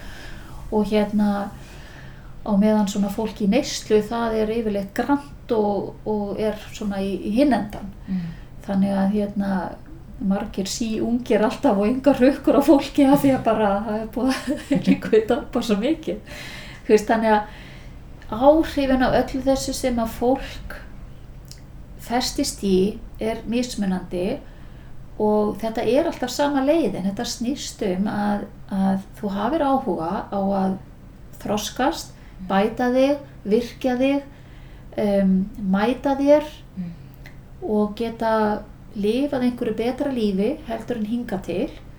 Og ef að þessi áhugi er til staðar að þá koma leiðirnar til þín. Þú veist uh, þú veist, margir sem eru að koma þannig eru á livjum þú veist, og þeir eru kannski búin að vera á þessum livjum í 15 ár eða 10 ár eða 20 ár. Og maður er bara, wow, ok. Uh, það er ekki ennþá farið að vinna með vandan Mm. sem gerir það verkum að fólk þarf að vera á þessum livjum í 15 ár. Hvað er, hvað er í gangi, skilur og það er það sem að ég er bara að opna fyrir án skilir það án hérna án þess að að krefja fólk um að þú verður að gera þú verður að ná þessum árangri þessum mánuði eitthvað svona, þetta er bara allt einstaklingsbundið en krafan er um að þú sýnir áhuga eða sýnir virkni. Þú leggur þig fram. Það er krafan okkar. Og, og þetta svo lendum við í þessum þessum skemmtilegu uppákomum þarna fyrstu tvo-þrjá mánuðina. Og svo voru þessar einstaklingar sem náttúrulega voru óbúslega ósáttur um að þurfa yfirgefa áfangaheimili sem að þeim leið náttúrulega vel á því þeir komist upp með hitt og þetta og Mm. þeim var gefin séns og það var búið að gefa þrjá og fimm og sex sénsa, Mm. og lofórðin alveg bara á færibandi Já. að svo koma því að þetta gengur ekki lengur og þú þarft bara að fara því þú ert ekki að sína virkni, þú ert ekki að sína áhuga þú ert ekki að sína neina þáttöku heldur þvert á móti Mm. Og þá fóru þessir einstaklingar mjög ósáttir, margir hverjir út í þjófélagið og fóru að bara rakka okkur niður og, og aðal atrið var það að á okkar áfangaheimilið, á áfangaheimilið kærleiksamtakana væri leifð neysla Mm. og þetta leiti það af sér að við erum búin að heyra það að, að S.A.A. vill ekki vísa fólki á okkur sem er að koma meðferð af því að við leifum neyslu Mm. en það hefur enginn talað við okkur það hefur enginn spurt okkur heldur það er búið að trúa sögusögnum fíkla Mm. sem voru ósáttir af því þeir fengu ekki að vera í neyslu hjá okkur Mm. Já. þetta er svolítið skondið Mm. Já, Við getum sagt að þetta sé áhugavert. já. Já. þannig að það reynsaðist til og við heldum áfram og næstu mánuðir voru samt erfir og svo fór ég að skilja það að þetta verkefni var mér var komið í þetta verkefni fyrir, svo, fyrir mig þú veist, þetta er náttúrulega bara minn, mitt hlutverk er eitt er eitt hlutverk í þessu eða ég er með eitt hlutverk í þessu áfangaheimili svo eru náttúrulega allir hinir í sínu hlutverki. En við erum allir saman þannig að þetta er ekki þannig að, að eh, ég ráði öllu eða ég viti allt. Þetta, þetta er ekki þannig. Ég er með minn vanda og þarna var, mér, var ég sett í þetta verkefni og þetta hlutverk til þess að ná að vinna mig út um meðvirkninni þannig að á síðustu mánuðum þá er ég búin að læra að skilja meðvirkni Mm. og ég þurfti að byrja því í þessum aðstæðum sem neittu mig til þess að ég þurfti að bara, eins og ég segi, bara öskra á fólk til þess að það herði eitthvað í mér Mm. og bara til dæmis að öskra á það að þú þarft að fara Mm. Þú þarft að fara skiluru Mm. þú getur ekki verið hérna þú þarft að taka dótið þitt og þú þarft að fara Mm. og ég fekk einu sinni utan að koma til hjálp til þess að koma tveim í skilningum þetta og það þurfti bara að íta þeim út Mm. og að því að ég gata ekki sjálf líkamlega þá þurfti ég að fá aðstöð til þess Mm. og hérna þannig að uh, þannig að svo sannarlega þurfti ég að mæta sjálfur mér í öllum þessum aðstæðum Mm. Og svo þurfti ég að hérna náttúrulega líka að vera fyrirmynd þessa samtaka, þessa kærleiksorku. Og ég hef nú aldeilis fengið að heyra það Mm. að ég sé frek og stjórnsum óréttlát og ósvífin og ég veit ekki hvað. Og þá náttúrulega er það auðvitað fíkillinn sem að fær ekki sitt Mm. af því að ég er ekki meðvirk Mm. og þá verður hann náttúrulega bara band brjálaður Já. og ég er hundleiðileg Mm. og hérna og hérna þannig að þannig að ég hef svona þú veist, en þetta hefur vakið upp fullt af pælingum og ég, ég er svo þakklátt fyrir að vera ég eftir allt sem ég er búin að gangi gegnum að hafa þennan brennandi áhuga á að skoða allt sem gerist. Mm.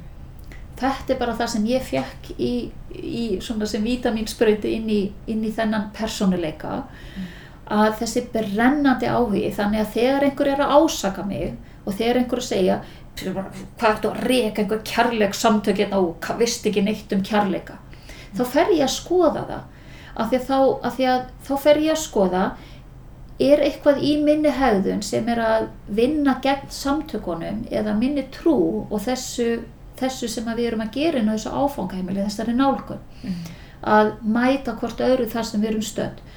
Um, og jú, auðvitað þurfti ég að, þú veist, díla við þennan pyrring og þessa reyði sem komi upp af því að það bara braust eitthvað út í mér og þegar það var komið þá var það bara eitthvað eldfjall og ég var nokkra mánuð að ná mig niður. Ég þurfti að vinna mig út úr þessu uh, og auðvitað var eitthvað að brjótast út sem að náttúrulega við erum að sjá í fyrirlífum, skiluru.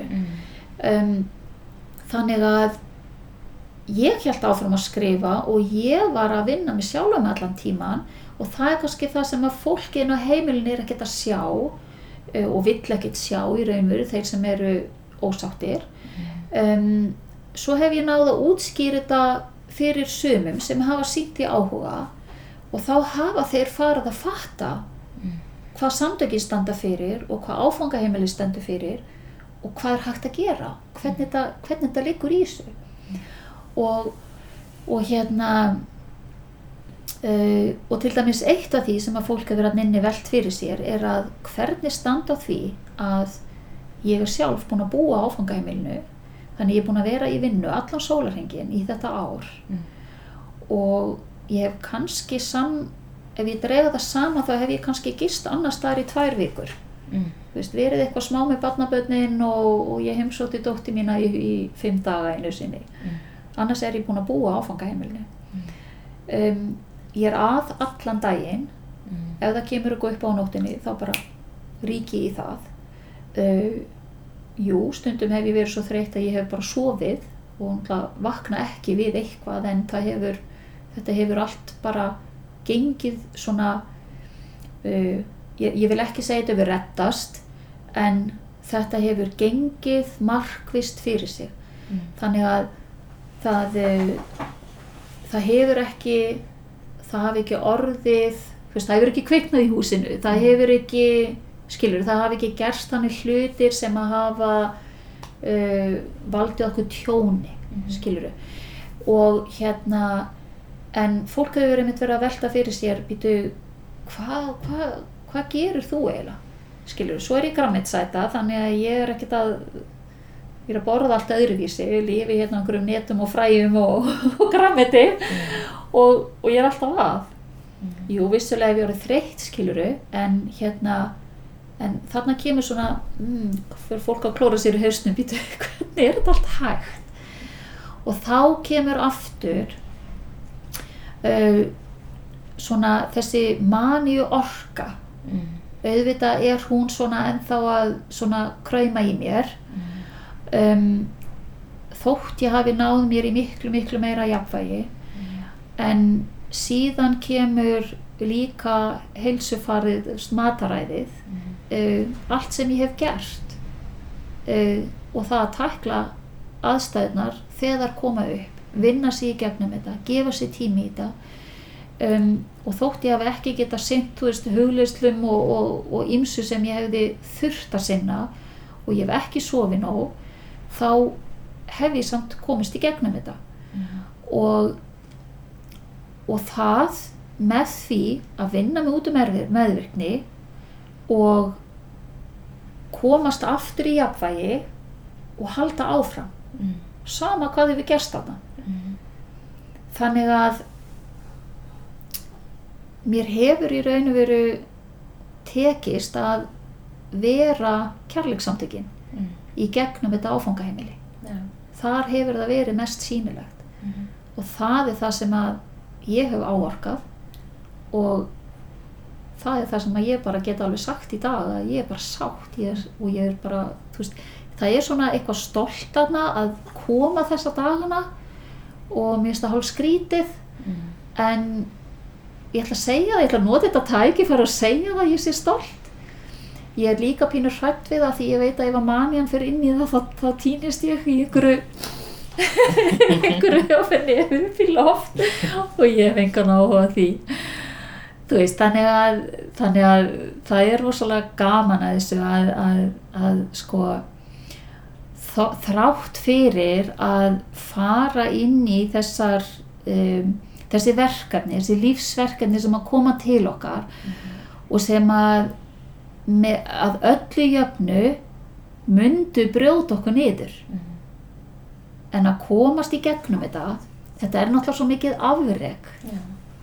Og, og það er það er það sem bækuna mínar snúast um. Uh, kennslubækur uh, sjálfsjálfarbækur hvað sem að fólk vil kannast kalla þetta.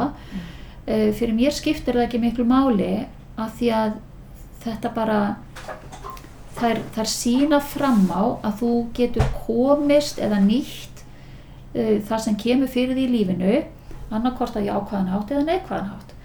Annarkvort bara lætur þetta buga þig og þú séð enga útgönguleið eða að þú lík getur litið á það það er verið að kenna þér eitthvað. Þú ert aftur og aftur að lenda í því sama þannig að þú þarft greina að læra eitthvað. Og hvernig væri bara að staldra þess við hérna í miðjunni og vera á þessari línu sem er akkurat hérna í borðinu og, og læra eitthvað nýtt. Opna fyrir eitthvað nýtt hvað svo sem hvað svo sem það er kallað. Meðferð, trú, trúabröð skiptir ekki máli. Þetta er bara þetta er bara mannkinni að þróskast Ég held að þetta séu bara frábær algjörlega frábær lokaorð á mjög áhæfið spjalli. Ég er búin að, að sitja hérna bara aktóinu að hlusta á þig og hérna og ég bara efast ekki um að, að þú er eftir að kveiki ljósi í höfði ansi margra sem að hlusta á þig. Já, vonandi. Og maður svo sannarlega vera stolt af því sem þú hefur gert takk og fyrir. þínu ferli. Takk fyrir.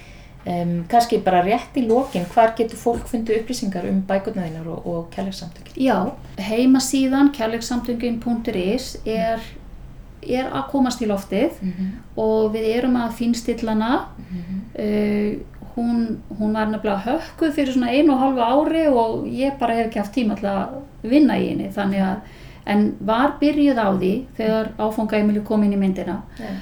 þannig að núna er hún að komast í loftið þannig að upplýsingarna eru fyrst og fremst þar. Já. kærleiksamtöki.is við erum líka á Facebook bara kærleiksamtökin og hérna og þarna uh, er þarna er að, út frá kærleiksamtökunum er hægt að komast inn á uh, sí, hérna, bækurnar. En það er sér heimasíða sem heitir geðraskaniránlifja.is Já. og þar eru alla bækurnar mínar sér. Ég er búin að gefa tvær út og hef heldur ekki haft tíma til þess að koma fleirum út en ég þarf að komast í þetta. Hefur skrifað margar. Veistu, ég er á átjándu bókinni. Já, þetta er orðið reytröð það, þetta er það. Þetta er frábært. Já, Ah. Og hérna og fyrst þetta byrjaði þá voru mér síndar sjö bækur þannig ég vissi það fyrirfram Já, og svo vissi ég bara ekki neitt nei en uh, það er ótrúlegt að sjá þú veist, allir titlarnir koma til mín mm. og ég bara stundum þarf ég ekki að skrifa stundum þarf ég að skrifa Mm. og ég bara hlýði þessu öllu Já. og inn í þessa bækur hafa spannast svo óbóðslega miklar upplýsingar eins og um karma Mm. hvernig karma virkar Mm. Og, og hérna og fyrir líf hvernig þetta allt tengist saman hvernig við getum nýtt þetta Mm. um, upplýsingar um þrælahald Mm. upplýsingar um kerfin í dag sem hann átt að kæfa okkur hérna í efnislífinu Mm. uh, eins og ég kalla pólitík, bara nútíma þrælahald Mm. og ferlun og öllu þessu, þetta er allt búið að koma til mín, þetta er öllu, þessu öllu líst í bókunum Mm. Þannig að það er miklu meira um bækurnar og, og hérna uh, orkusviðin og bara fullt Já. og þannig að þetta eru þessar síður kærleikssamtökin á Facebook Já. kærleikssamtökin.is Mhm. geðraskanir án livja.is Mhm. svo við förum nú ekki inn í annað við þannig að því að það er að tala endalaust Og e, fólk sem vil hafa samband við þig, ég efast ekki um að þú er tendra ljó, ljósi í hjarta fólk sem að, er að hlusta og ef fólk vil leggja ykkur lið á einhvern hátt, getur það haft samband við þig í gegnum til dæmis Facebook síðuna eða, já, já, bæði það er hægt að hafa samband í gegnum hérna vefsíðurnar og Facebook mm og ég er þú veist, við erum að leggja loka hönd á síðuna en ég er til dæmis að setja styrtarleiðirnar þarna inn af því þær eru nokkrar. Já. af því til dæmis allur ágóði af bókunum rennur beint í samtökin. Já. Uh, ég gef alla mína vinnu Mm ég bara, ég vinn í sjálfbúið vinnu út í eitt -hmm. og hérna og, og svo náttúrulega getur fólk lagt inn þannig að það er reiknisnúmer þar og, og bara svona styrtarleiðirnar og það sem við erum að gera, hvar við stöndum og svona. Okay. Og já, þannig að Ég vona bara sem flestir finni hjá sér að hjálpa ykkur. já, takk Á- fyrir Á það. hvaða hátt sem þeir Já, geta. einmitt, einmitt. Það er þetta að leggja okkur inn í ýmsum, móti. Já, herri, takk kærlega fyrir að- koma til mín og að rosalega gaman að hlusta. Já, takk hérlega fyrir að hlusta og bjóða mér. Takk. Takk fyrir. Þú varst að hlusta á verkvarakassan. Nýtt ár heilsar okkur með bjartari dögum og fjölmörgum möguleikum til betra lífs.